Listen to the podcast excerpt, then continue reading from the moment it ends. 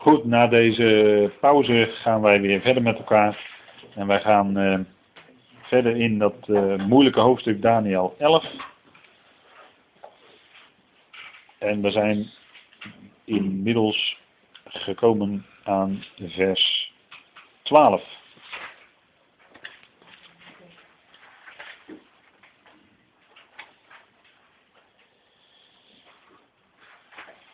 En dan hebben we dus die grote slag gehad, waarvan men dan in de uitleg uh, vermoedt dat het gaat om de slag bij Rafia, dat is het huidige Gaza.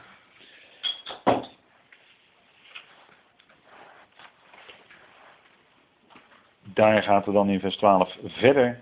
En er staat, wanneer die menigte zal zijn weggevaagd, zal zijn hart zich verheffen, tienduizenden zal hij neervellen, maar toch zal hij zich niet kunnen versterken. Want de koning van het noorden zal terugkomen. Hij zal een menigte op de been brengen, groter dan de eerste.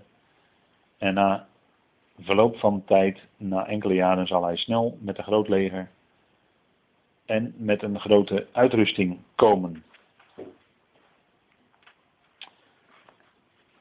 Dus de koning van het zuiden, eh, in, eh, zo staat in vers 12, dat is dan Ptolemeus, de vierde, die uh, vindt het wel best. En uh, zoals er dan staat, hij gaf zich over aan zijn lusten, dus hij leefde er maar wat op los. En daardoor wordt Egypte verzwakt. Hij houdt de zaak niet goed in de hand. En uh, hij is waarschijnlijk meer aan het feesten dan, dan aan de zaak goed te regelen.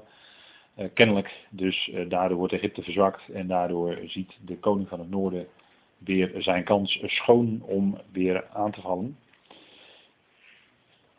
En dat is waarschijnlijk geweest in 205 voor Christus.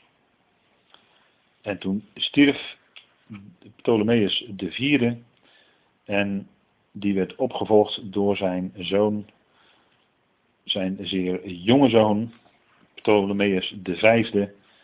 En die was ook weer bijgenaamd Epiphanes. Ptolemeus de vijfde Epiphanes. Dus dat is vers 13 heeft ermee te maken. En de koning van het noorden, dat is dan Antiochus de derde inmiddels. Antiochus de derde. De grote wordt hij dan ook genoemd, als ik het goed heb. Dan die behaalt dan overwinningen.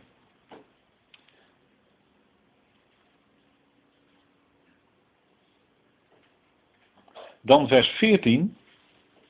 Want het gaat steeds maar heen en weer. Hè? Dus de, eh, de een die valt aan en haalt overwinning. En de ander zint weer op wraak. En die wil dan weer de overwinning halen. Zo gaat dat. Hè?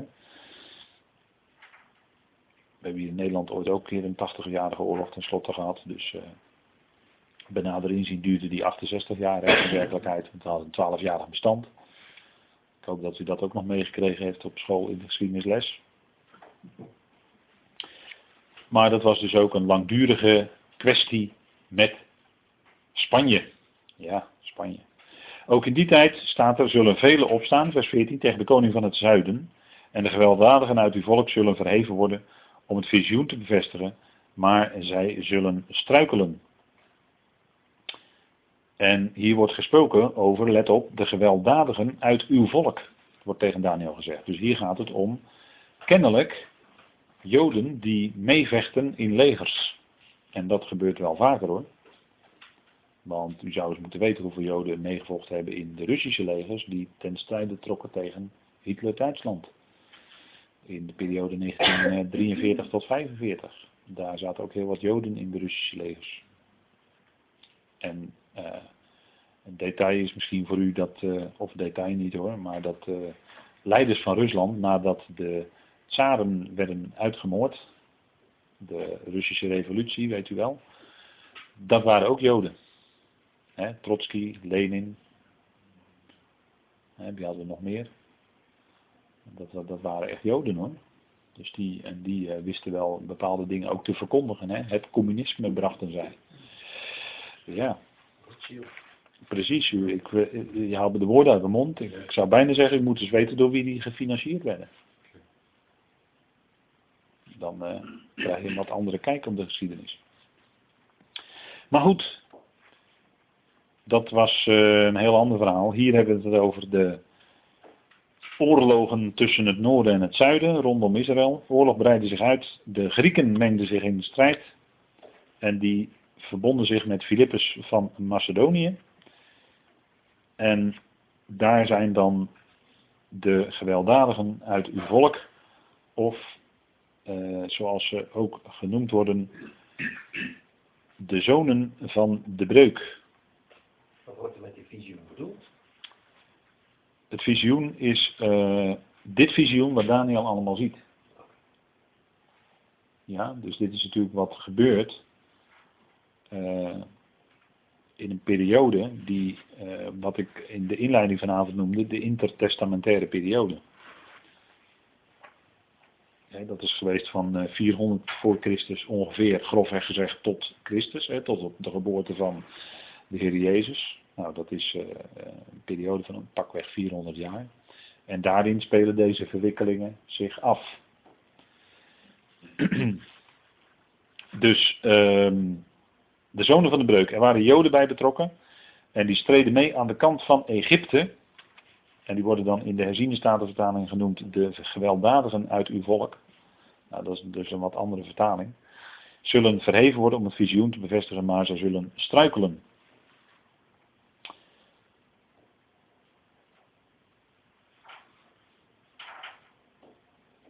Dan krijgen we vers 15.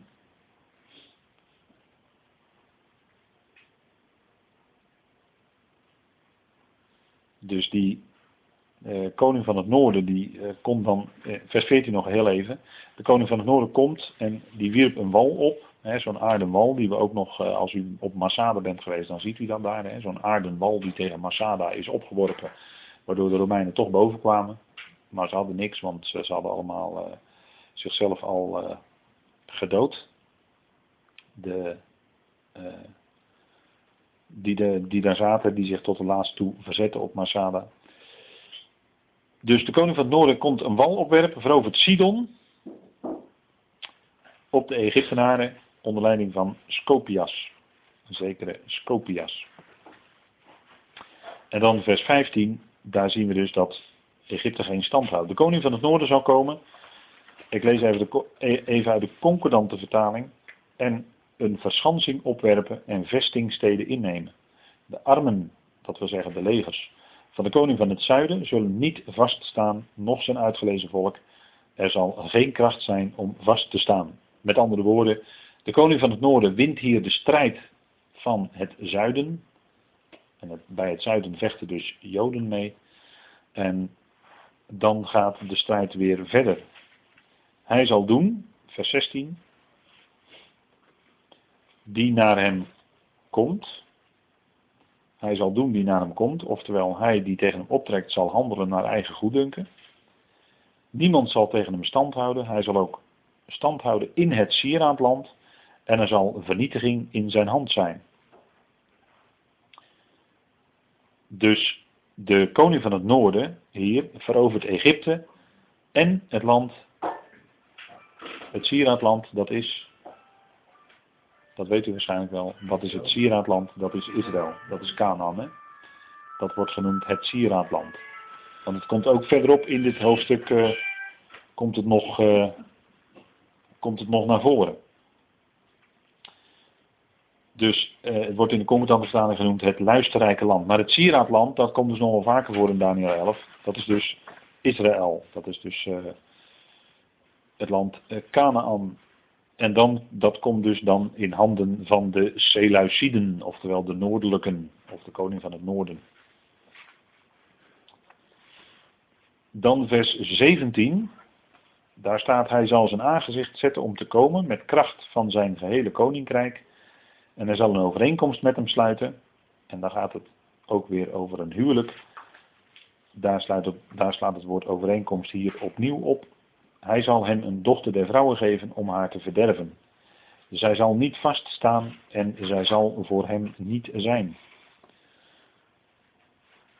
Dat is in 198 waarschijnlijk BC, dus 198 voor Christus, ongeveer 200 voor Christus. regelt Antiochus derde de Grote een huwelijk tussen zijn dochter Cleopatra. Dat is niet de beroemde Cleopatra die we kennen uit de geschiedenis en uit de wat meer klassieke literatuur. Maar dan, uh, verwijs ik, uh, of dan uh, verwijs ik hier even naar degene die stripboeken hebben gelezen. Want de bekende stripfiguur, daar kwam ook een zekere Cleopatra in voor. Hè? Maar dat was de beroemde Cleopatra. Maar dit is niet de grote beroemde Cleopatra. Dit is een andere. Er waren er meer in die tijd die zo heten. En de jonge koning van Egypte, dat is uh, Ptolemeus, om te, zo maar te zeggen junior, om de rijken bij elkaar te brengen. Dus hier wordt een poging gedaan om de rijken door middel van een huwelijk aan één te smeden. Maar dat lukt echter niet. Want opnieuw was hier de dochter niet trouw aan wat haar vader wilde, maar ging uiteindelijk toch haar eigen gang. Zij zal niet vaststaan, hè, staat er. Dus zij zal niet trouw zijn aan wat Antiochus wil. En ze zal niet voor hem zijn. Sorry, uh, aan wat uh, Ptolemeus wil, sorry. Nee, wacht even, ik zei het toch goed. Nee, sorry. Antiochus die wilde dat zijn dochter met Ptolemeus, de koning van het zuiden, huwde. Om daarmee een eenheid te smeden om de rijken bij elkaar te brengen. En dat mislukt dus, die opzet mislukt. Dus door middel van een huwelijk werd dus politiek bedreven. Dat, dat is hier gewoon aan de hand, hè? Is gewoon puur politiek. En zo ging dat natuurlijk wel en gaat, gaat dat wel vaker. Hij zal zijn aangezicht keren tot de kusten, of tot, hij zal zijn zinnen zetten op de kustlanden, en hij zal er vele veroveren. Hij zal er vele innemen, en een overste zal zijn versmading voor hem doen ophouden, uitsluitend dat zijn versmading tot hem zal terugkeren. En met kustlanden of kunnen ook eilanden bedoeld worden. En dat is wat ook in de geschiedenis gebeurde. gebeurde. Namelijk die Antiochus III de Grote, die heel machtig was in die tijd, veroverde wat van die eilanden en die kreeg te maken met een Romeinse generaal, Lucius Asiaticus. En nog eh, een hele rij namen. En die kreeg hij als tegenstanders. Dus hier komen heel voorzichtig al de Romeinen om de hoek kijken. dus hier zien we al een beetje de komst van dat Romeinse Rijk. En dan 11 vers 19. Hij zal zijn aangezicht keren naar de sterkten van zijn, van zijn land. Dat, eh, zijn eigen vestingen opbouwen. En hij gaat dus eigenlijk opnieuw, zeg maar, wordt gaat hij doen wat in het verleden ook al gebeurd is, namelijk om geld te krijgen, gaat hij de tempels plunderen en werd bij een van die plunderingen gedood. En dat gebeurde in 187 voor Christus. Dus dan zijn we alweer weer elf jaar verder. En dan zitten we dus heel dicht nu bij Antiochus de vierde Epiphanes, die in de geschiedenis berucht is, meer, veel meer berucht dan beroemd, uh, omdat hij dus de tempel in Jeruzalem ontwijde. Door daar een beeld van Zeus op te richten. En uh, dat was nogal wat. En varkens, uh, iets met varkens en zo daar. Nou, het is natuurlijk voor de Joden vreselijk. Want varkens zijn onreine dieren, tot en met, in de ogen van de Joden. En om die dan in de tempel notabene, nou dat was natuurlijk allemaal nou, niet, niet alleen provocatie, maar dat was nog, eh, nog veel meer dan dat. Het was gewoon puur uh, megalomaan machtsvertoon van die uh, Antiochus IV. Hè? Maar goed, daar zitten dus nu heel dichtbij. En die figuur is toch in zekere zin interessant, om het zo maar te zeggen, in het kader van het profetisch woord. Omdat hij, zo wordt hij door velen gezien, een voorafschaduwing is van de wetteloze.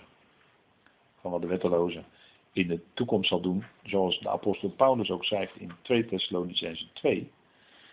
Namelijk dat hij zich zal zetten in de tempel Gods en zich zal aanbidden als een God. Dat zal die wetteloze dus laten doen. Hè?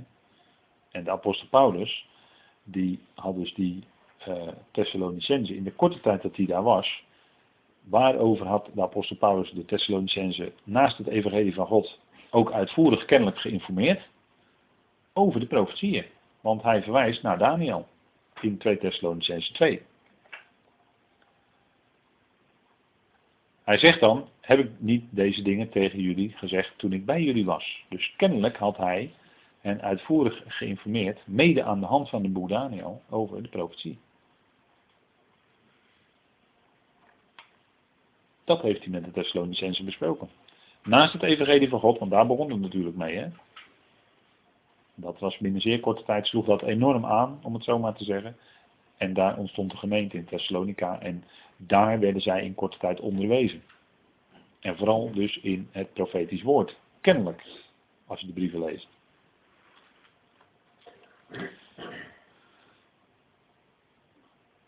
Goed, in vers 20 zien we dan de volgende verwikkeling.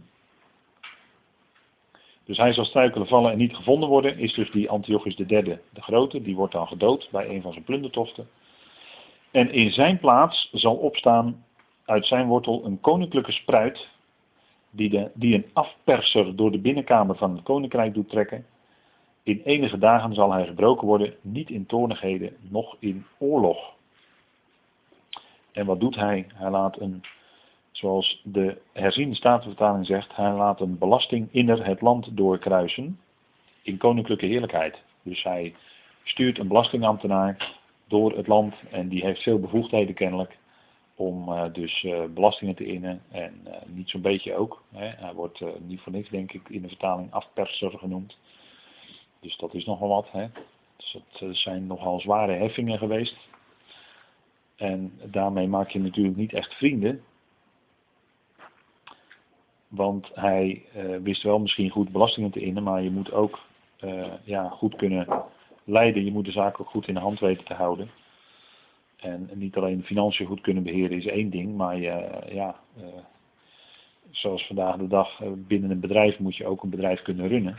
En als je dat niet kan, ja, dan gaat het mis. En zo ging het daar ook mis.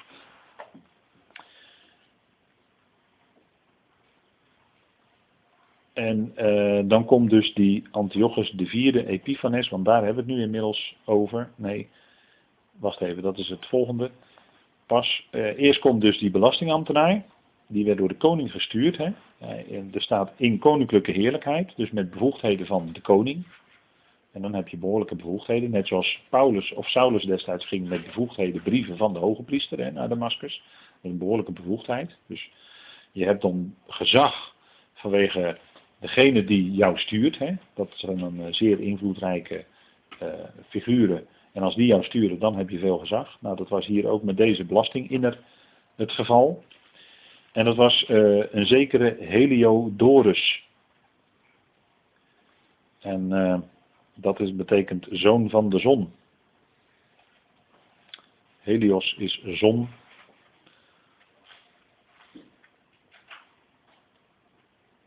En dat andere is waarschijnlijk een afleiding van een bepaald begrip dat zoon betekent. Seleucus, die wordt dan omgebracht door Heliodorus, door de belastingambtenaar. Maar ook die Heliodorus zelf, die wordt op zijn beurt weer verdreven. Door wie? En dat is vers 21. En dan wordt het hoogst interessant. Want dan lezen wij over een verachte in zijn plaats, vers 21. En hier kan het zijn dat bij vers 21 er door een, uh, door een figuur die in de geschiedenis is geweest, maar dat kan ook een voorafschaduwing zijn van de wetteloze. En die figuur die in de geschiedenis is geweest, dat heb, al, heb ik al gezegd, dat is Antiochus IV Epiphanes, een zeer berucht man. En die heeft de Joden uh, verdrukt gedood, uh, heeft de tempel uh, in bezit genomen, heeft de tempel ontwijd door daar een beeld van Zeus neer te zetten. Nou, dat was natuurlijk verschrikkelijke heiligschennis voor de Joden. Dat was onbestaanbaar en er werd nog veel meer dingen. Dat is puur om zijn macht te laten zien en om natuurlijk in feite daarmee de God van Israël ook uit te dagen. Dat, dat zit er dan natuurlijk ook heel sterk in. Daar spreekt over die figuur spreekt vers 21, maar daar zit dus een dubbelheid in, zoals profetie eigenlijk altijd een soort dubbelheid in zich heeft, namelijk een verwijzing naar de toekomst. Want als ik het heb over een knip in de tijd, of een knip in het hoofdstuk waardoor wij een sprong maken als het ware in de tijd van de geschiedenis naar het heden of naar bij de toekomst, dan heb ik gelijk het probleem genoemd waar Daniel 11 onbekend staat, namelijk waar zet je de knip? Uh, er zijn andere goede uitleggers die de knip zetten bij vers 5 en 6.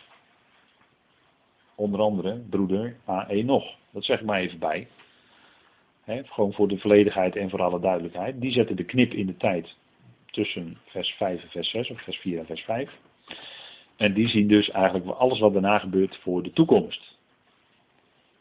Mogelijk kan het zijn dat ook daar een dubbelheid in zit. Dat en wat wij nu besproken hebben uit de geschiedenis zo is gebeurd en wat al dus beschreven staat in deze versen die we net besproken hebben. En dat het tegelijkertijd ook, en daarom zijn die versen soms ook moeilijk te interpreteren, om het zo maar te zeggen, dat er tegelijkertijd ook een sprong in zit naar de toekomst, over verwikkelingen die in de toekomst zouden gaan gebeuren, en die wij misschien al, als wij, eh, als wij eh, dat hadden geweten en eh, dat, dat konden uitzoeken, die misschien dus al gebeurd zijn voor een groot deel. Al die verwikkelingen. En dat heeft dan te maken met, als we praten over het noorden en het zuiden, dan moet je dus eigenlijk je wenden tot Israël en je positie daar innemen, ten noorden en ten zuiden van Israël. Daar moet je eigenlijk dan naar gaan kijken. Dus, die dubbelheid, die zou erin kunnen zitten in het hoofdstuk. Ik hoop dat u dat, want dat is gewoon om te vermijden dat we uh, dat, dat je zegt, ja, je zit op dat ene spoor, maar er is ook nog een heel ander spoor. Ja, dat andere spoor is mij ook bekend. Maar ik denk dat de crux hier, dat is nu vers 21. Nou, laten we even met elkaar gaan lezen. In zijn plaats zal een veracht man opstaan. Men zal hem de koninklijke waardigheid niet geven. Maar hij zal komen in zorgeloze rust. En het koningschap zal hij grijpen door vleierijen. En even kijken hoor. Uh, als we dan de concordante vertaling even lezen, dan staat er, in zijn plaats zal een verachte opstaan. Zij zullen aan hem de heerlijkheid van het koninkrijk niet geven. Hij zal komen met gemak en het koninkrijk versterken met gladdigheden. En daarin laat hij zien dat hij een diplomaat is. Want een diplomaat, iemand die diplomatiek is en juist in politiek winst wil maken, ja, die moet eigenlijk gewoon glad zijn. Die moet gewoon zich overal tussendoor kunnen bewegen, als was het kwikzilver, hè, kwikzilverachtig zo overal doorheen. En dan intussen door al die contacten en, en noem maar op, zijn doel bereiken en ook steeds verder komen, steeds hoger komen. Nou, wie was dat? Dat was uh, Antiochus IV Epiphanes die die Heliodorus, die belastingambtenaar, verdrijft. En dat doet hij door slinkse streken of door gladdigheden, zou je kunnen zeggen. Weet hij te manipuleren. Want dat moet je in politiek ook kunnen doen hoor. De zaak manipuleren, hè, dan zet je het naar je hand. En daardoor weet hij hem te verdrijven. En uh, je zou in zekere zin kunnen zeggen, daar waar de vorige versen eigenlijk uh, vrij vlug en met vaart, met snelheid de geschiedenis beschrijven, zou je kunnen hier zeggen dat hier in vers 21, door die verachte, hè, die man die met slinkse streken aan de macht komt, dat hierna de, de beschrijving trager is. Dan lijkt het allemaal trager te gaan. Moet u maar eens met dat oogmerk deze verse lezen. Dus hij zal door een verachte, dus degene, een verachte dat wil zeggen, degene die op de achtergrond was, en zo zal het naar mijn mening ook, is het in deze tijd, misschien kan ik wel zeggen in deze tijd. Dus iemand die nu op de achtergrond is, en die door zijn goede diplomatieke houding, goede contacten overal, hè, die heeft wereldwijd goede contacten bij, bij, tot in de hoogste kringen, en is overal gezien, en is overal innemend, Zo'n figuur die nu nog op de achtergrond is, die zou het kunnen lukken om in de toekomst op de voorgrond te komen.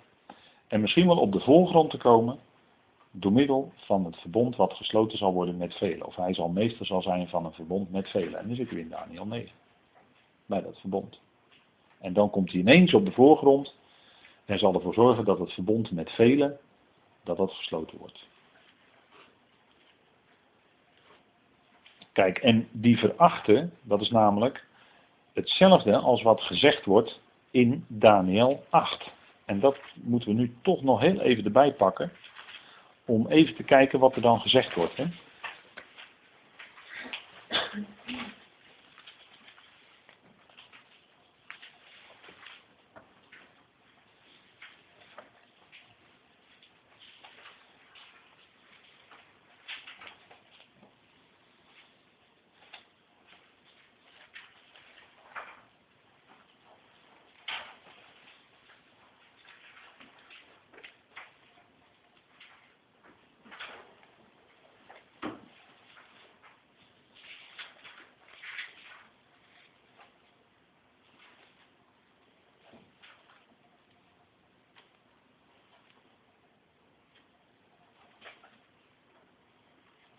Nou, Daniel, uh, eerst Daniel 8 vers 8. Er staat, de geitenbok maakte zich uitermate groot. Maar toen hij machtig geworden was, brak de grote horen af. Dus die grote horen, die was eerst heel klein en die werd groot. En dat is eigenlijk een beschrijving van hoe Alexander de Grote, of de, de horen is een beschrijving dan van Alexander de Grote. De geitenbok maakte zich uitermate groot. Toen hij machtig geworden was, brak de grote hoorn af en in plaats daarvan kwamen er vier opvallende op overeenkomstig de vier windstreken. Nou, dat hebben we ook hier gezien in Daniel 11. Hè? Dus die vier generaals die dan in plaats van Alexander de Grote komen. Dan zien we dus in vers um, 23 dat in Daniel 8, vers 23, aan het einde van hun koningschap, dus die vier koninkrijken, wordt verdeeld in vieren en dan aan het einde, dus dan wordt een hele sprong gemaakt in de tijd als het ware. Wanneer de afvalligen de maat hebben volgemaakt, zal er een meedogenloze koning opstaan, oftewel een koning sterk van aanwezigheid. En er staat er bedreven in slinkse streken, of hij zal inzicht en verstand hebben in problemen. Maar hier wordt ook weer de plotselinge, de komst getekend van degene die zal op het wereldtoneel zal komen. Vers 25 wordt namelijk ook iets gezegd, wat dus in Daniel 11 wordt bevestigd. Door zijn sluwheid, of door zijn intelligentie, zal hij het bedrog onder zijn hand doen slagen. Hij zal zich in zijn hart verheffen. En hij zal met gemak vele te gronden richten. Dus hier wordt opnieuw ook gewezen op zijn sluwheid, zijn intelligentie, bedrog.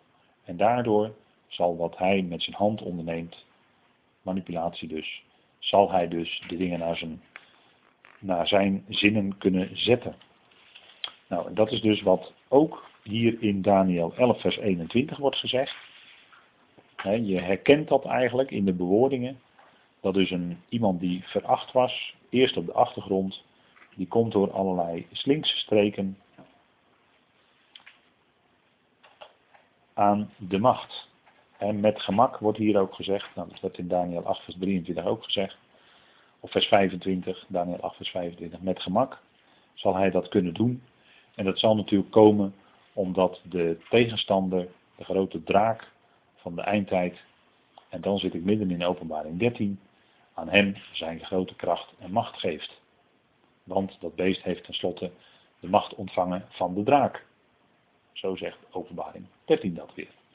Dus dan ziet u even weer een lijntje naar openbaring.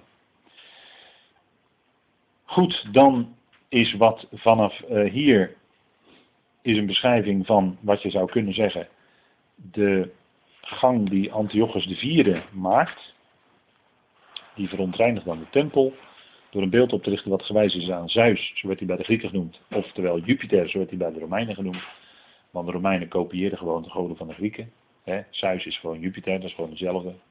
Nou, zo kan je een heel lijstje gaan opnoemen. En er zit dan allemaal zo een koppeling in. Hè? Dus dan, wat die is bij de Grieken, heet zo bij de Romeinen. Hè? De een heet zus bij de Grieken en heet zo bij de Romeinen. Dus inderdaad, ja, die Romeinen waren wel eens wat rare jongens, inderdaad. Maar ehm, vers 22 gaat dan de geschiedenis verder. En er staat, want zodra men een verbintenis met hem is aangegaan, zal hij bedrog plegen.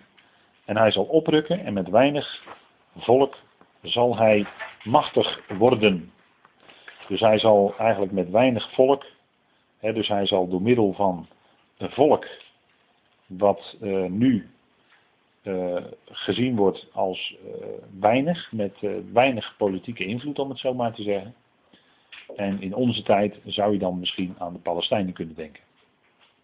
Maar daar maak ik gelijk wel heel erg actueel. Hè? Maar het zou kunnen, zou zomaar kunnen. Dat er iemand is die te maken heeft met Palestijnen. En die door linkse streken eventueel aan de macht komt. Dat zou kunnen. En dan zitten we natuurlijk toch te kijken naar iemand die daar ergens toch in dat Midden-Oosten een rol natuurlijk gaat spelen. Want het kan ook niet anders, want het heeft te maken met, zo zegt de Heer dat in Daniel 9, met uw volk en uw heilige stad, met Jeruzalem. Dus het kan eigenlijk niet anders. Dan moet er toch iemand daar uit de regio zijn. Dus uit de Midden-Oosten-regio bedoel ik dan, hè, om het uh, even wat heel algemeen te houden, zonder al te specifiek te worden. Dus de, hij zal dus, uh, een aantal dingen zullen dus lukken. En hier wordt ook gesproken over de vorst van het verbond. Nou, de vorst van het verbond, dat de aanvoerder van het verbond, dat zou kunnen zijn als het gaat om een verbond moet je toch praten over Israël, denk ik. Want die hebben een verbond. God heeft Israël, met Israël een verbond. En als het gaat om de vorst van het verbond, is het de, de, de leider van de Joden. En als het gaat om de Joodse leider, dan is dat, uh, ja, vandaag de dag zou je kunnen zeggen, is dat de voorzitter van het Sanhedrin. De hoogste rabbijn van het Sanhedrin. Uh, mogelijk. In die tijd was het de Joodse hoge priester. Dat, die gold dan als, hè, het gaat om godsdienstige zaken, als het gaat om een verbond, dan is het verbond van Yahweh met het volk. Gaat het om godsdienstige zaken, dan had de hoge priester in die tijden had dan, was dan zeg maar uh, gezaghebbend. Hè? Net zoals de Heer Jezus bij Caiaphas en bij Annas kwam. Dat waren toen de trouwens twee, hè? ook heel bijzonder ga ik ooit misschien nog wel eens op in, maar waren toen twee, hè? Annas en Caiaphas. En Caiaphas, die heette eigenlijk Jozef. Daar eens even over nadenken. Maar u kunt dat gewoon vinden in Joodse encyclopedie. Moet u even gaan zoeken naar Caiaphas. En dan weet u dat hij, hij wordt in de Bijbel altijd Caiaphas genoemd. Maar het is algemeen bekend dat hij gewoon Jozef heet. En dan zegt u, waarom Jozef? En daar gaan we nu niet op in. Maar dat, is, uh, dat was de hoge priester. Ik zeg het omdat het de hoge priester was van dat jaar. En toen kwam dus het. Toen wilde men dus de Heer Jezus ter dood veroordelen. Daar had de hoge priester dus mee te maken. En dat kwam dus voor de hoge priester. En ze zochten natuurlijk een aanleiding. Ze wilden hem doden, dat was het plan. Dat was al, het, het vonnis stond al vast. Kan zien wat voor een soort rechtsgang dat was. Hè. Het vonnis stond al vast. Hij moest gedood worden. Maar ze moesten nog een aanleiding vinden om hem te kunnen beschuldigen. Dus werden allerlei getuigen gezocht. Dat was vaak tegenstrijdig en het klopte niet. Totdat ze uiteindelijk twee getuigen hadden. Nou, die wisten iets. Dat was een volkomen verkeerde, verkeerd getuigenis, verkeerde aanklacht. Maar hij werd natuurlijk toch veroordeeld, want dat moest gewoon gebeuren. Dat moest gewoon gebeuren. En uh, uiteindelijk werd hij doorstoken, weet u wel. En waarom zeg ik dat zo? Nou, omdat de profetie, als we bijvoorbeeld lezen in Zacharia, dan leidt die profetie daar naartoe. Zij zullen zien wie zij doorstoken hebben. En zullen wij eens gaan kijken in Zacharia wie zij doorstoken hebben, volgens de profeet. Zacharia 12. Want kijk, al deze verwikkelingen in Daniel, die leiden natuurlijk tot iets. Hè? Dat moeten we altijd voor ogen houden. Dat leidt tot de komst van de ware Messias, die wij kennen als onze Heer Jezus Christus. Dat is natuurlijk de Messias die moet komen. En die gaat ook komen. Maar dan zal er iets gaan gebeuren als hij komt. Dan is het het einde van de 70ste jaarweek van Daniel. En we weten uit Zacharia dat hij dan zijn voeten zal zetten op de Olijfberg. Dat is trouwens de enige profeet die dat zegt hoor. Maar goed, dat is voldoende voor ons. Hoeft, maakt verder niet uit. Dat is gewoon voldoende. En dan staat er zo in Zacharia die bekende tekst, hè, die ook in het Nieuwe Testament een aantal keren wordt aangehaald, onder andere in openbaring.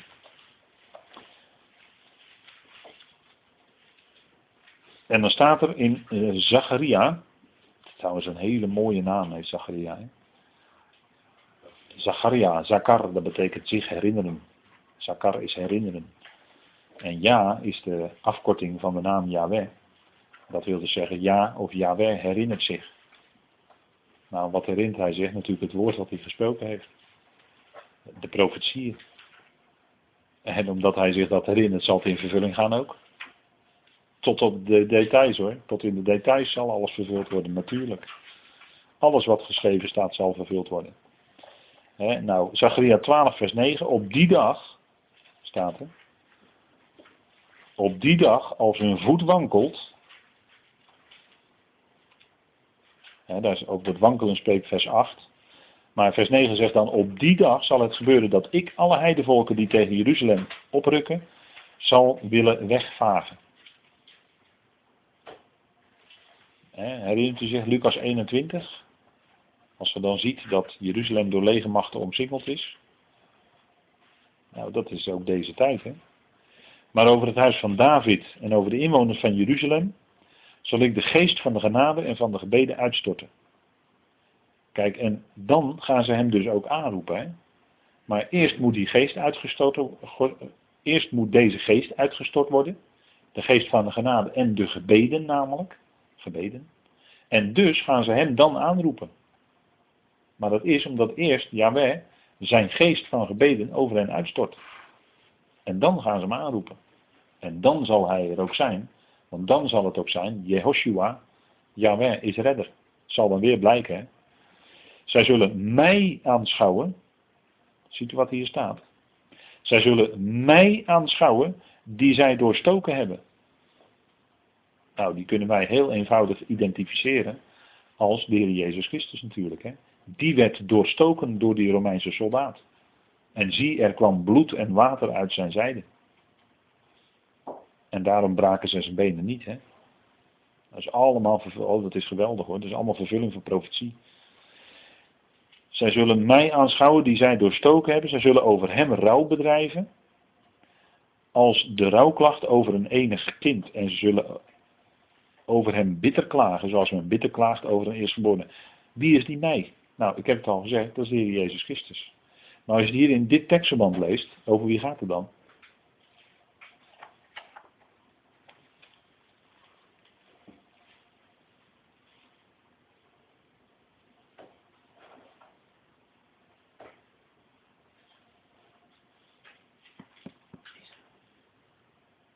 Ja, die mij, wie is die mij? Wie is mij? Zij zullen mij. Wie is die mij? Ja, hè? Ja, precies. Dat is de verbijstering dan natuurlijk. Ja. Dat is de verbijstering. Want kijk, wie, wie spreekt hier? Vers 1. Hier, vers 1. De last het woord van de Heer over Israël. De Heer spreekt.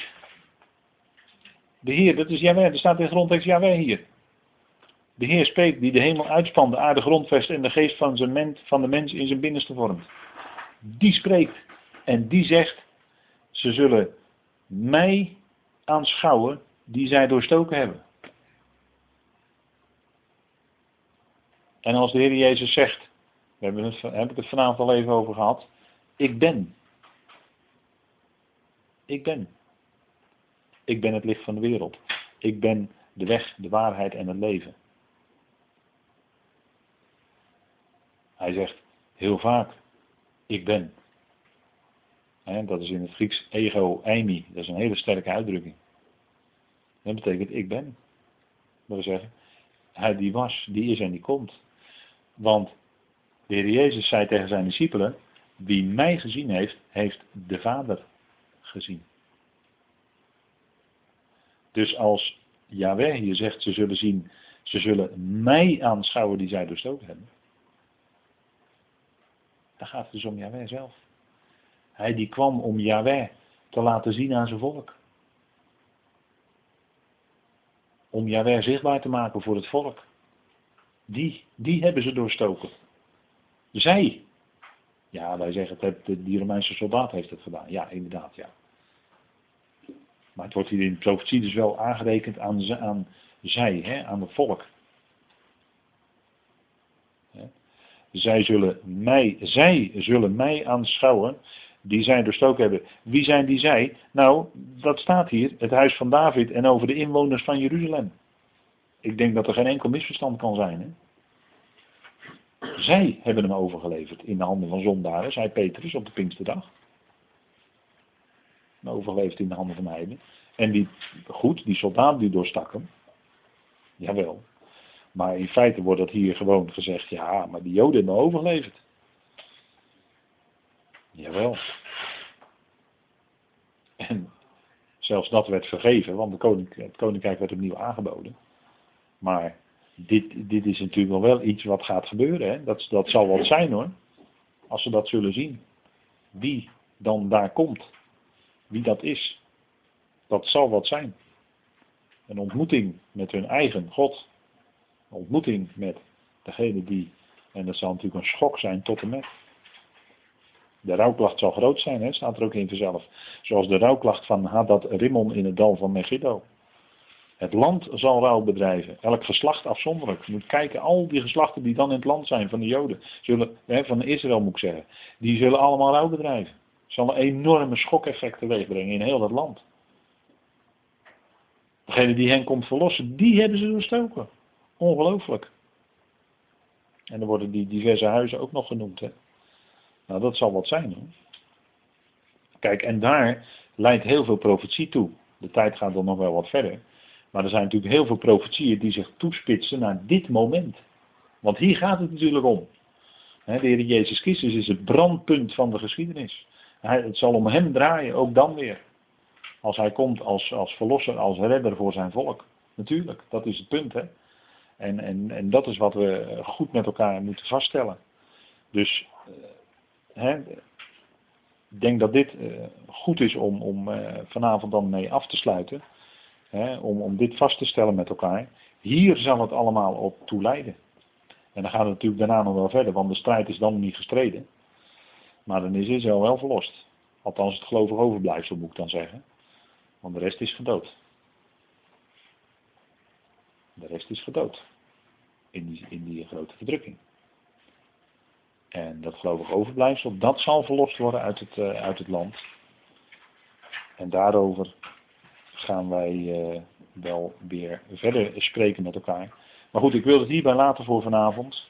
En dan gaan wij een volgende keer weer verder met dit uh, hoofdstuk Daniel 11. Goed, ik stel voor dat wij de Heer danken met elkaar. Trouwens, liefdevolle Vader, wij zeggen u dank voor deze avond die we uit uw hand mochten ontvangen. We zeggen u dank voor dat rijke profetische woord wat ook heel ernstig spreekt over de toekomende dingen de dingen die hier op aarde zullen gaan gebeuren, Vader, als wij weg zijn en wij boven zijn bij U, Heer. Maar dank u wel dat we tot die tijd, dat we tot die tijd, Vader, ons bezig mogen houden met dat wat er geschreven staat. Uw woord, Vader, en in het bijzonder is die geweldige voeding voor ons, komt uit die brieven van de apostel Paulus. Vader, en dank u wel dat we daarnaast ook kijken naar wat er geschreven staat in profetie. Vader, want heel de schrift is nuttig tot lering, tot onderwijzing, tot opvoeding in de gerechtigheid. Vader, opdat we de tijden onderkennen. Vader, dat was, het, uh, dat was de opmerking die uw zoon ook maakte toen hij huilde, toen hij weende over Jeruzalem. Dat zij de tijd van hun bezoeking niet hadden onderkend, vader, terwijl ze dat hadden kunnen weten uit de profetieën. Vader, en daarom is het goed dat wij onderkennen de tijd waarin we leven. Onderkennen waar het naartoe gaat. En vader, het zal in de toekomst zijn verlossing, redding, heil door uw zoon. Vader, we danken u dat de momenten die ook zo in Zacharia beschreven staan, zullen plaatsvinden. En vader, we weten dat het op uw tijd zal zijn. Maar we zien ook gedetailleerd, vader, waar het toe leidt en welke stappen er gezet worden. Vader, we danken u dat we zo door u op de hoogte gesteld worden van ontwikkelingen die in de toekomst en misschien zelfs wel de nabije toekomst zullen plaatsvinden. Vader, en daarom mogen we, Vader, met woorden die de Heer tegen Israël sprak, maar ook wij mogen ons hoofd opheffen naar u, want onze verlossing is nabij. Vader, we danken u voor, die, voor dat uitzicht. En tot dat moment mogen we doorgaan van stap tot stap, geleid door u, geleid door wat u zegt. Vader, en dank u wel dat u ons zo verder wilt brengen. Dank u wel dat u ook de komende dagen met ons gaat. Vader, als wij weer van hier gaan en ieder onze eigen weg weer gaan.